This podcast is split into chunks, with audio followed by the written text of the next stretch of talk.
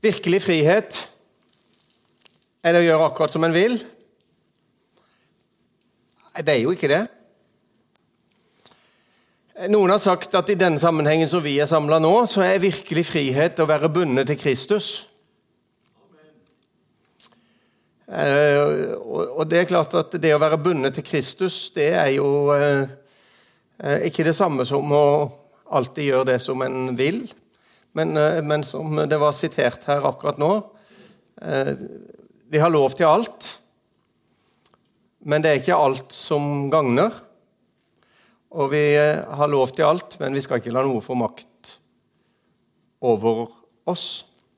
Men det handler jo om prinsippet jeg håper dere skjønner det, for det blir jo litt sånn teoretisk. Men samtidig så tenker jeg at det er viktig at det teoretiske smelter sammen med troen i hjertet vårt, sånn at det blir, det blir levende for oss.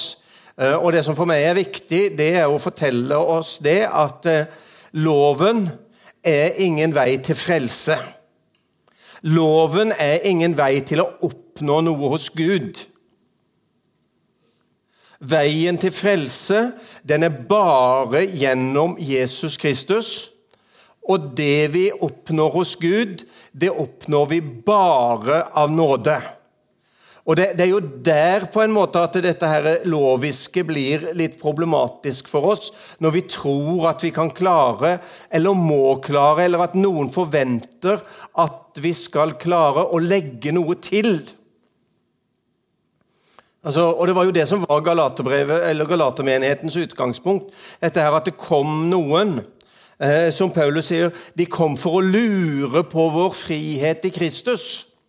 Altså, Det var noen som snek seg inn i menigheten for å sjekke opp at de, at de levde eh, sånn som loven sa at de skulle leve. Eh, og så ble det et krav og en forventning til at de måtte, de måtte sånn og sånn for å tilfredsstille sånn og sånn. Og det, det, er jo det som er Jesu budskap, om at her er det ingenting å legge til. Her er det ingen prestasjon som på en måte kan legges til for å oppnå noe mer gunst eller fordeler eller velsignelser eller mer frelse eller herlig frelse eller større frelse, eller hva det må være. Det er noen som er så herlig frelst, og det er jo fint. Men jeg tenker at all frelse er herlig frelse. Er du frelst, så er du herlig frelst. Og er du frelst, så er du fullkommen frelst. Eh, så, så, så, så, det handler jo om dette her fullkomne som Jesus har gjort, og som han har gitt oss. Og for han viser oss det. For Sønnen frigjort dere. For Jesus viste oss at det han har gjort, det er nok. Så kan vi på en måte slappe av. Og Det er det som er litt mitt poeng i dette, her, at vi må, vi må finne troens hvile. Altså, vi må, vi må kunne slappe av i at det er i orden mellom meg og Gud. Altså, det, det, er greit mellom meg og Gud. Det er greit mellom meg og Gud om jeg har bedt en time om morgenen, eller om ikke jeg har bedt i det hele tatt. Så er det greit mellom meg og Gud. Det er greit mellom meg og Gud om jeg har uh, lest ti kapitler, eller om jeg ikke har lest et eneste kapittel. Uh, så, er det, så, er det, greit mellom meg og Gud, for det, det, det kommer ikke an på det. Det er i orden mellom meg og Gud. Eh, om jeg har vært på møte hver eneste gang eh, gjennom hele året, eller om jeg har noen sånne åpne rom eller ei som jeg ikke har hatt mulighet til å være, så er det greit mellom meg og Gud. Alt er i orden. Og Gud elsker meg ikke noe mer eller noe mindre. Men det er klart at jeg har jo godt av det sjøl. Det handler ikke om mitt forhold til Gud, men det handler om mitt eget liv. Jeg syns det er veldig greit å sammenligne det med å lese og be og fellesskap og alt det med, med, med våre daglige måltider. Altså For at livet skal fungere, for at jeg skal ha energi, for at jeg skal ha det jeg trenger for at det daglige livet skal, skal gå sin gang, så, så trenger jeg å ta til med dette her. Men lovens krav er oppfylt i Kristus Jesus. Og vi er fri ifra lovens krav og forventning. Og vi er fri ifra andres krav og forventning. Tenk på det, du. For det er veldig lett å la seg styre av det. Av at en, en, tror og mener og tenker at andre har en krav og forventning til at vi skal være sånn og sånn og vi skal gjøre sånn og sånn. Så, men men Kristus har frigjort oss til frihet, eh, så ingen skal la oss få lov til å legges under trelldom. Altså, Vi kan ikke styre livet vårt etter andres krav og forventninger. Vi kan få lov til å hvile i at det er nok det Jesus har gjort. Og så er det noen av oss som er kanskje hardere med oss sjøl enn vi er av, andre, holdt jeg på å si, og stiller større krav til oss sjøl. Men eh, Kristus har frigjort oss òg ifra våre egne krav til oss sjøl, faktisk. Vi kan kjenne press utenifra, men presset innifra er ofte like så stort. Og Det handler jo om hele den pakka som vi har med oss, og som vi bærer på. ikke sant? Av et sett med forventninger som er lagt inni oss, og så tror vi at vi må leve etter det for å for å bli godtatt, for at folk skal like oss, for at folk skal synes at vi er bra, for at vi skal få mange positive tilbakemeldinger, for at folk skal være fornøyd med oss og ha lyst til å snakke med oss og bry seg om oss. og alt det der. Så, så bygges det opp et sånt forventningsgreie inni oss, fri ifra frykt og fri ifra forventning og fri ifra krav og hele pakka. Ja, orker vi litt til? Jeg har lyst til det er jo det som er så Det er sånn med sånne predikanter, vet du, at de har så lyst vet du, til å si så veldig mye. Men jeg har lyst til å se litt om dette her med å fri fra synden. Fordi at, Som jeg sa innledningsvis, at dette med synden er egentlig så grunnleggende. Fordi at det var den som kom inn, og det var den som ødela. Det var den som skapte skilsmisse. Det var den som gjorde alt det vonde. Og så forteller Bibelen oss og, og, og fremdeles så, så, har jeg en masse eh, bibelsitater her, og så slår jeg ikke opp alt. Eh, men eh, det er jo bare for å vise dere at jeg har ikke tatt det helt ut av lufta, for å si det sånn. Jeg har vært innom denne boka, eh, som jo er retningsgivende for oss. Og så vet vi det at eh, ikke sant? Vi vet at synden binder. Vi vet at synden hersker. Vi vet at synden gjør oss til treller. Og så er spørsmålet Og dette som jeg kommer til nå, det syns jeg for min del er frigjørende, hvis jeg klarer å formidle det. For da blir jo spørsmålet På hvilken måte skal den som er bonde, den som er trell, på hvilken måte skal han bli fri? Hvilke muligheter fins det til å bli fri? Og så bruker jo Bibelen noen bilder. Fordi at Bibelen er full av bilder, og Bibelen er på mange måter en bildebok. og eh, bruker bilder for at vi skal forstå. For Hvis ikke vi har disse bildene, så er det ikke så lett for oss å forstå. Men ved bildene så er det, er det mulig for oss å forstå. Og hvis vi, hvis vi snakker om frihet ut ifra det der at vi i utgangspunktet er bunden, altså vi er treller, vi er underlagt noen andres myndighet, Synden binder mennesket. Hver den som gjør synd, er syndens trell. Og så er spørsmålet hva skulle til for at en trell skulle bli fri?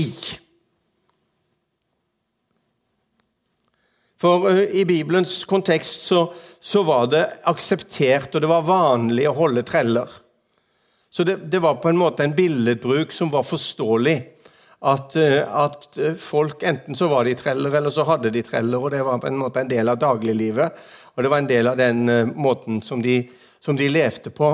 Men så var det noen muligheter for en trell å bli fri.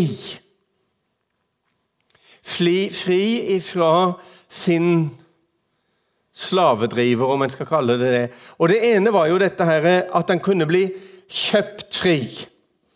Altså du kunne komme en og kjøpe, betale en sum som var så høy at den som eide slaven, han var villig til å selge. Og så kunne den som kjøpte, han kunne kjøpe ikke for å sjøl holde som slave, men han kunne kjøpe fordi at han ville at det mennesket skulle bli fri. Så han kunne kjøpe Det var mulig å kjøpe en slave fri. Og da eh, må jeg nesten lese, tror jeg, fra 1. Peters brev.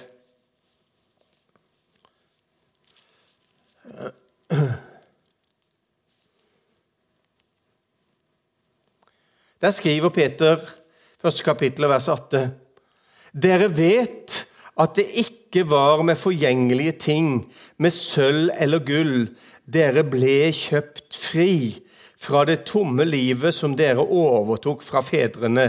Det var med Kristi dyrebare blod, blodet av et lam som var uten feil og lyte. Altså, Her står det om denne synden, dette her som vi arva fra fedrene, dette som trengte igjennom eh, fordi at det første mennesket falt, og som gjorde at alle mennesker ble syndere eh, fordi det første mennesket falt. Eh, så brukes dette her bildet, og så sier Peter her det at dere ble kjøpt fri. Det kom en og betalte prisen sånn at dere skulle bli fri ifra fangenskap, ifra trelldom, ifra synd, ifra det gamle som dere drar på, som dere har arva. Dere ble kjøpt fri med Kristi dyrebare blod.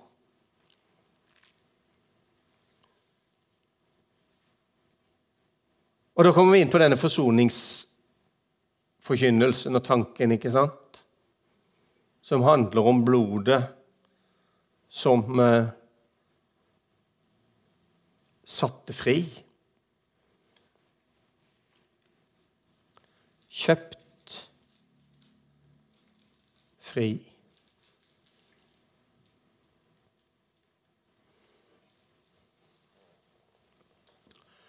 Så var det en sånn underlig forordning, egentlig, som vi kjenner til i uh, i den gamle pakt, som var en del av, eh, en del av hele paktsopplegget. Dette som handla om eh, som handla om sabbatsår, om frihetsår eller jubelår. Som, som var jo en, eh, en, utrolig forordning, som sier at hvert syvende år så skulle det være en viss mulighet for frihet. Og hvert sju ganger sju, 49, det 50. året, altså frihetsåret eller jubelåret, så skulle alle bli fri. Alt skulle bli fritt.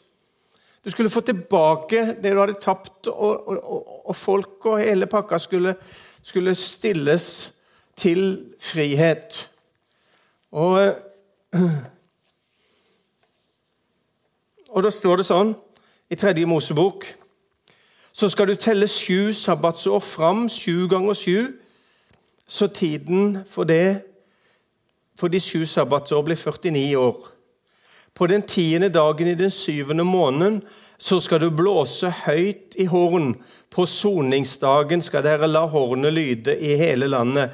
Dere skal holde det 50. året hellig og rope ut frihet i landet for alle som bor der. Det skal være et frigivelsesår for dere. Da skal dere komme tilbake hver til sin eiendom, hver til sin slekt. Det 50. året skal være et frigivelsesår for dere. Tenk for en opplevelse, egentlig. Og de, de, fleste opplevde det vel bare én gang i livet. at de, at de havna inn i et sånt uh, jubelår, et sånt frihetsår. Men, men altså, det var en guddommelig forordning knytta opp til dette med sabbatsår, knytta opp til det med hviledag. Altså, Gud hvilte på den syvende dagen. Ikke sant? Og Så har vi hviledagen, og så har vi sabbatsåret, og så kommer dette jubelåret, frihetsåret, da fangene og alt skulle på en måte komme tilbake, og, og de skulle bli fri. Og så er denne ordningen at på soningsdagen det var denne store forsoningsdagen, den ene dagen i året, da ypperstepresten gikk inn i det aller helligste i helligdommen med dette offerblodet og gikk med folkets synder og hele pakka inn for Gud og kom tilbake fra møtet med Gud inne med paktens eh, ark og møte med Gud i det aller helligste, så kommer han ut igjen med syndenes forlatelse. Gud har båret over med syndene ett år til. Og så gikk det jo sånn at For hver ofring så bar Gud over med syndene år etter år etter år. og så så var det altså på det 50. året på den store forsoningsdagen så skal det blåses i horn, og da skal det fortelles utover hele landet nå er nådeåret kommet, nå er frihetens dag, nå er hele vår trelldom forbi. Det var det vi gamle frie venner sang før, ikke sant? Det er, litt, det er noe godt i disse gamle sangene, er ikke det? da? ja, altså, for de hadde jo på en måte en referanse til, til noe. Og dette hadde jo en referanse til både det som jeg nå har lest, og så hadde du en referanse til når Jesus står fram i synagogen i Nasaret og leser fra profeten Jesajas bok. ikke sant? Og så slår han, ruller han opp boka og så leser han Herrens Israels Guds ånd er over meg, for Herren har salvet meg til å forkynne fanger at de skal få frihet, blinde at de skal få syn, for å forkynne et nådens år ifra Herren. Altså da, da, er det nådeåret som er kommet. Da er det Abrahams løfte som er gått i oppfyllelse inntil den slekt kom som løftet gjaldt. Det, det, det, gamle løftet som Gud ga til Abraham, at i deg skal alle jordens slekter velsignes. Loven ble gitt inntil det folket kom som Gud hadde utvalgt fra evighet av. Ikke israelsfolket, men det folket som var født under Abrahams velsignelse og Abrahams ett. Og Galaterbrevet sier jo Jeg snakker om din ett, altså Abrahams ett, som har fått løfte. Så snakker jeg ikke om mange, men da snakker jeg om én, og din ett, og det er Kristus er Paulus veldig tydelig på. Abrahams ett er Kristus. Den ett som løftet gjaldt. Det folk som er frigjort i kraft av Jesu Kristi forsoning. Nådeåret kom. Frihetsdagen kom. Det ble blåst i basun. Og det er egentlig der vi er i dag i, i, i det guddommelige jubelåret, nådeåret fra Gud, der Gud har sagt at vi kan blåse i alt vi har. Og så kan vi fortelle alle mennesker at fordi at forsoningsdagen ikke den som ble gjentatt hvert eneste år, men den forsoningsdagen som fullførte, og den forsoningsdagen som gav endelig fullbrakt, fullført forsoning, den er kommet. Og fordi den er kommet, så kan vi være like frimodige egentlig som Jesus var, og si det at eh, Herrens ånd er over oss. Den er det. For han har salvet oss. Og for han salver oss, han har salvet oss for at vi skal forkynne. Hva skal vi forkynne? Vi skal forkynne mennesker at de kan bli fri. Vi skal forkynne for mennesker at de kan bli fri. Fri ifra synden og dødens lov. Fri ifra den makt som binder mennesket, fri ifra det som holder mennesket nede. Frihetsåret, nådeåret, er kommet.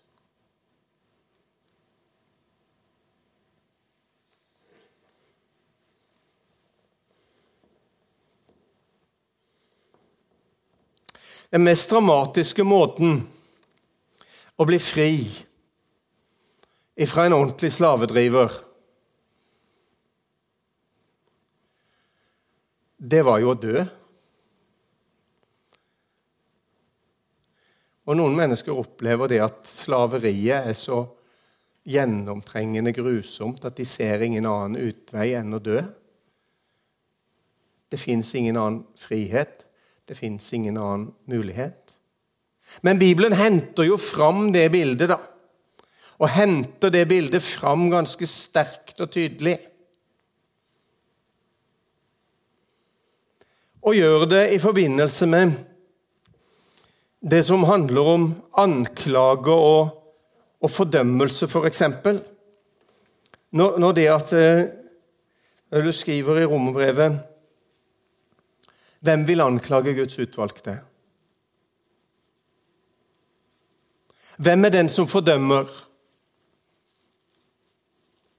Og så, og så, tror jeg vi alle sammen har kjent noe på dette her med anklage og fordømmelse. Og den, den anklagen og fordømmelsen den kan komme fra mange forskjellige hold. Og, og når, når, når liksom spørsmålet stilles på den måten hvem vil anklage? Så kan vi si at ja, min dårlige samvittighet vil anklage. Gud vil kanskje anklage. Djevelen vil kanskje anklage. Andre mennesker vil kanskje anklage. Hvem er det som fordømmer? Jo, mange mennesker kan kanskje fordømme oss fordi at de har andre forventninger som vi snakka om i stad til oss, enn en alt dette her. Det som er interessant synes jeg, å lese i den argumentasjonsrekka som Paulus bruker der, så, så, så kommer han ikke med den oppbremsinga som jeg har gjort nå. Men han stiller disse spørsmåla. Hvem vil anklage Guds utvalgte? Hvem er det som fordømmer? Så svarer han på en helt annen måte, og egentlig en helt ulogisk måte. Og så sier han, 'Men Kristus er den som er død'. Kristus er død. Og så refererer han opp imot dette at det, å anklage og fordømme en som er død, det er det egentlig ingen hjelp i. Du kan stå med et synderegister og en anklagelsesregister så langt og så stort og så vidt og så bredt eh, som du vil, og du kan stå og banke det inn i huet på, men det, det er ikke noe hjelp i i forhold til en som er død. Én er død for alle. Derfor er de alle døde. Jeg er korsfestet med Kristus.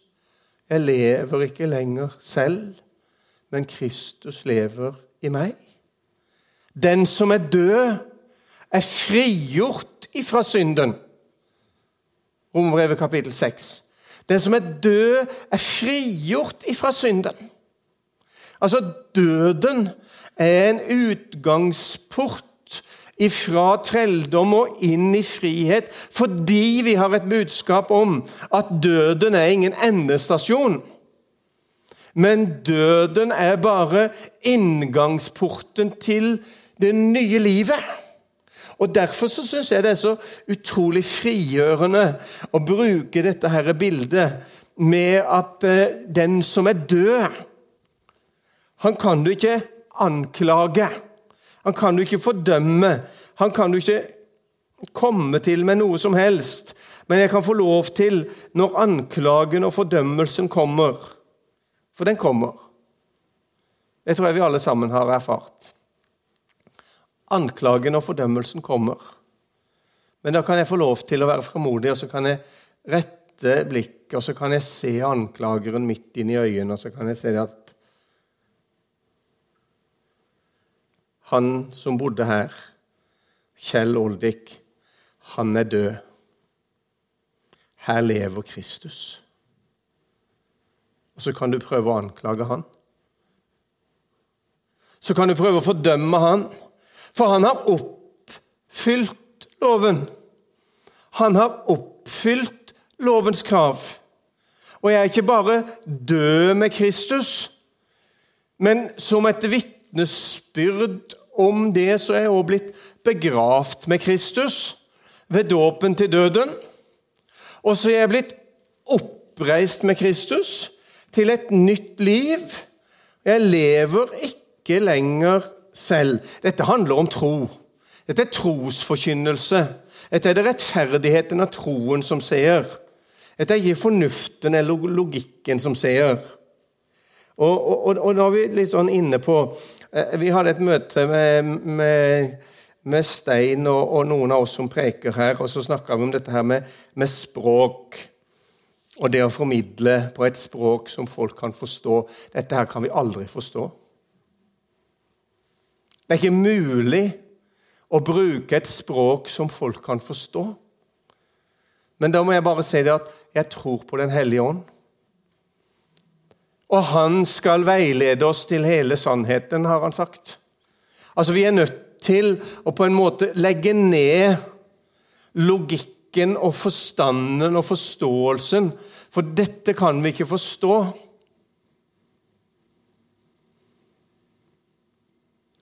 Jeg hadde en klok lærerinne når jeg gikk på barneskolen. Var, vi, vi eh, lærte bibelhistorie. Jeg husker en gang Det satt selvfølgelig fast i meg. En gang hun sa det når hun underviste. Jeg husker ikke hva hun underviste om, men jeg husker at hun sa dette kan vi ikke forstå, sa hun.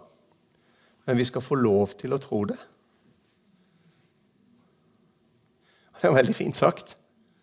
Dette kan vi ikke forstå, men vi skal få lov til å tro det. Fordi at denne boka her sier det, så skal vi få lov til å tro at det er det er min virkelighet, det er din virkelighet. Jeg er død med Kristus. Jeg er begravd med Kristus. Jeg er oppreist med Kristus til et nytt liv, et liv i frihet. Det er noen veier til å bli fri. Det ene er at han kom og kjøpte oss fri. Det andre er at han har ordna med nådeåret og jubelåret.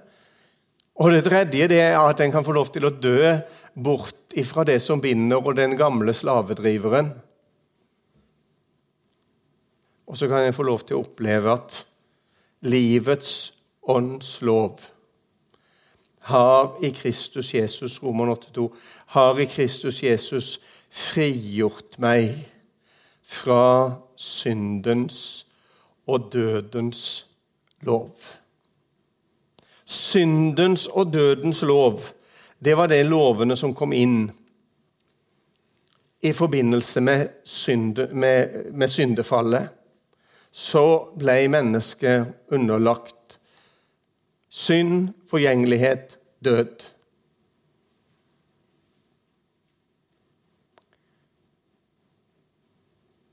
Og så sa jeg til å begynne med at Gud elska mennesket så høyt at han måtte gjøre noe med dette her. Han måtte gjøre noe med den situasjonen som hadde oppstått. Han måtte ta et oppgjør med synden. For Gud hadde sagt at den som synder, skal dø.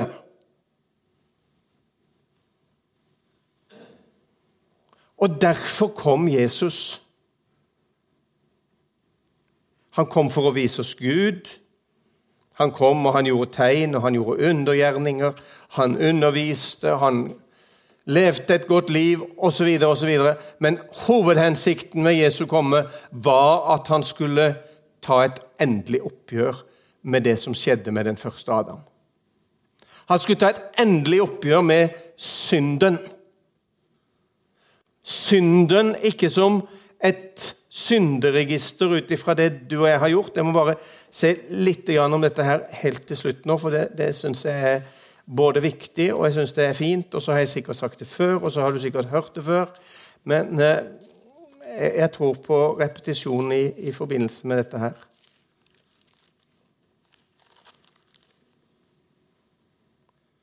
For det står om Jesus. Hebreabrevet kapittel 9. Nå er han åpenbart.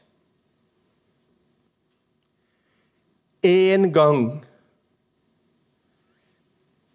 ved tidenes ende for å ta bort synden ved sitt offer.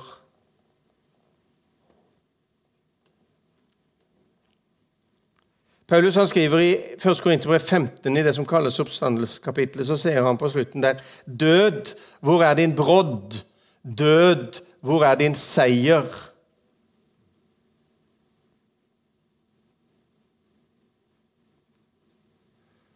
For dødens brodd er synden, og syndens kraft er loven. Tar du den? Syndens brodd er døden. Dødens kraft er loven. Loven, synden, dødens brodd. Dette som kom inn i mennesket, uavhengig av våre gjerninger, uavhengig av våre liv, som kom inn og skapte denne skilsmisse mellom menneske og Gud og trengte gjennom til alle mennesker, det var den Kristus kom for å ta bort. Og Derfor så sto det altså her vi leste i Hebrevet Kristus ble åpenbart. Han kom ved tidenes ende. Så kan vi nå undres på når var tidenes ende, eller når er tidenes ende. Det er jo et spennende spørsmål. Men iallfall så står det veldig tydelig her at han kom ved tidenes ende. Hvorfor kom han? Han kom for å ta bort synden. Altså Han kom for å ta bort synden i bestemt form entall synden som dødens brodd. Synden som det bestemte som skapte skilsmisse mellom menneske og Gud. Og Det handler ikke om ditt og mitt synderegister. Det handler ikke om det du og jeg har gjort eller ikke har gjort. Det handler ikke om der vi har lykkes eller mislykkes. Men det handler om konsekvensen av syndefallet så kommer Jesus, og så tar han et endelig oppgjør med synden som dødens brodd, som fører mennesket i død, for Gud har sagt 'den som synder, skal død'. Og så tar han et oppgjør med synden, og så står det faktisk at han tok den bort.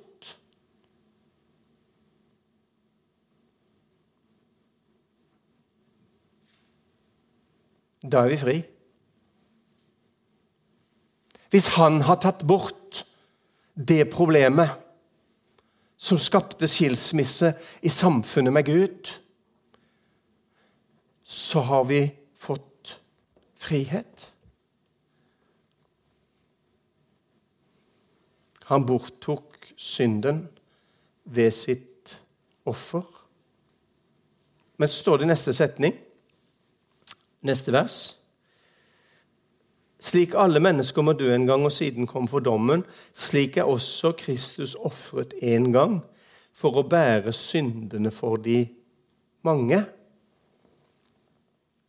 Og Det handler om dine og mine synder, det som vi har gjort, og som eh, det står om i, eh, i Kolossebrevets andre kapittel, vers 14. Han utsletta skyldbrevet det som gikk oss imot. Altså synderegisteret mitt.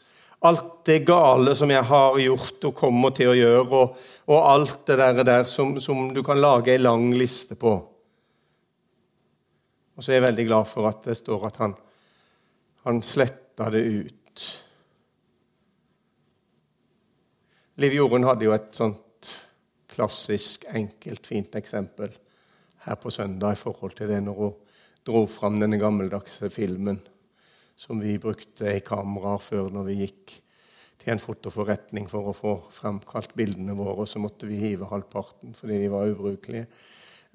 Når vi endelig fikk, eh, fikk framkallinga. Men så visste vi jo det at hvis vi var uheldige å få lys på denne filmen, så var, bilden, så var, det, så var det vekk. Så var det sletta ut. Og jeg syns det, det, er egentlig et utrolig godt eksempel på det Jesus gjorde for oss når lyset ble kasta på. Så ble bildet synderegisteret, hele regla, det ble borte. Og det, jeg vet ikke, jeg, men eh, det er, vel noe, det er vel noe sånn, Ingvar, at på en datamaskin så kan du klare å hente fram igjen ganske mye rart, selv om det er blitt borte. Men jeg vet ikke om det går an å hente fram igjen noe særlig på en sånn gammel film. Eh, tror at kanskje er det vekk, så er det vekk. Det er bare hvitt. Det er bare hvitt. Ja, men eh, si halleluja, da. Det er bare hvitt. altså, ja, kan det bli bedre? Uansett hva det var, og uansett hva som sto der. Skyldbrevet vårt det utsletta han idet han nagla det til korset. Og så er det bare hvitt. Nå er det bare hvitt, nå er det bare fritt. Nå er du bare fri.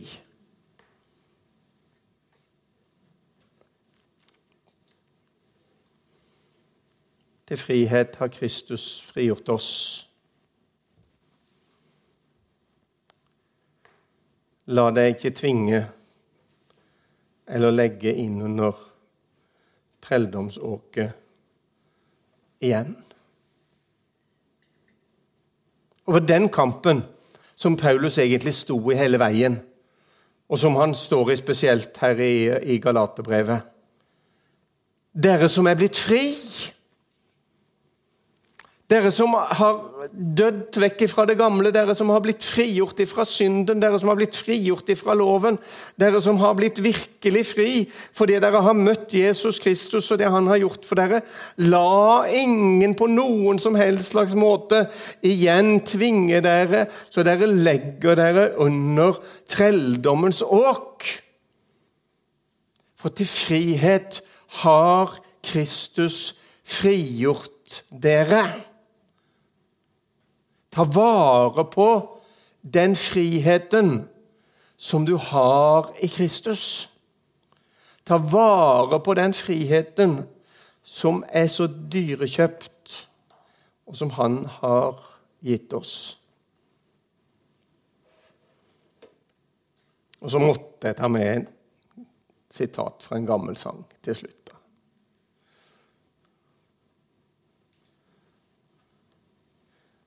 Vi er et folk, et frigjort folk, som hører Herren til. Det er det vi er. Vi er et frigjort folk som hører Herren til. Og så skal vi få lov til å, å rope ut dette frihetsbudskapet. Frihet for de fangne, løslatelse for de bundne. Et velbehagelig et nådens år ifra Herren. Og så er jeg helt overbevist om at uansett når denne enden måtte være, som vi leste om her i stad, så er vi i dag i det nådens år ifra Herren. Der vi kan få lov til å forkynne frihet. Og vi kan få lov til å leve i frihet. Herre, vi takker deg for eh, det verk som du har gjort. Takk at det er fullkomment. Takk at det holder. Takk at det står. Takk at det blir. Takk at det er urokkelig. Hjelp oss å hvile 100% i det som du har gjort. Og ikke streve og kave og mase for å prøve å få til noe annet. For vi klarer aldri å stille opp med noe som er godt nok uansett. Men vi kan få lov til å hvile 100% i det du har gjort. Takk for din nåde. Takk for rettferdigheten av tro alene. Takk for nådeåret som er kommet. Hjelp oss å rope det ut. Vi ber om det i Jesu navn.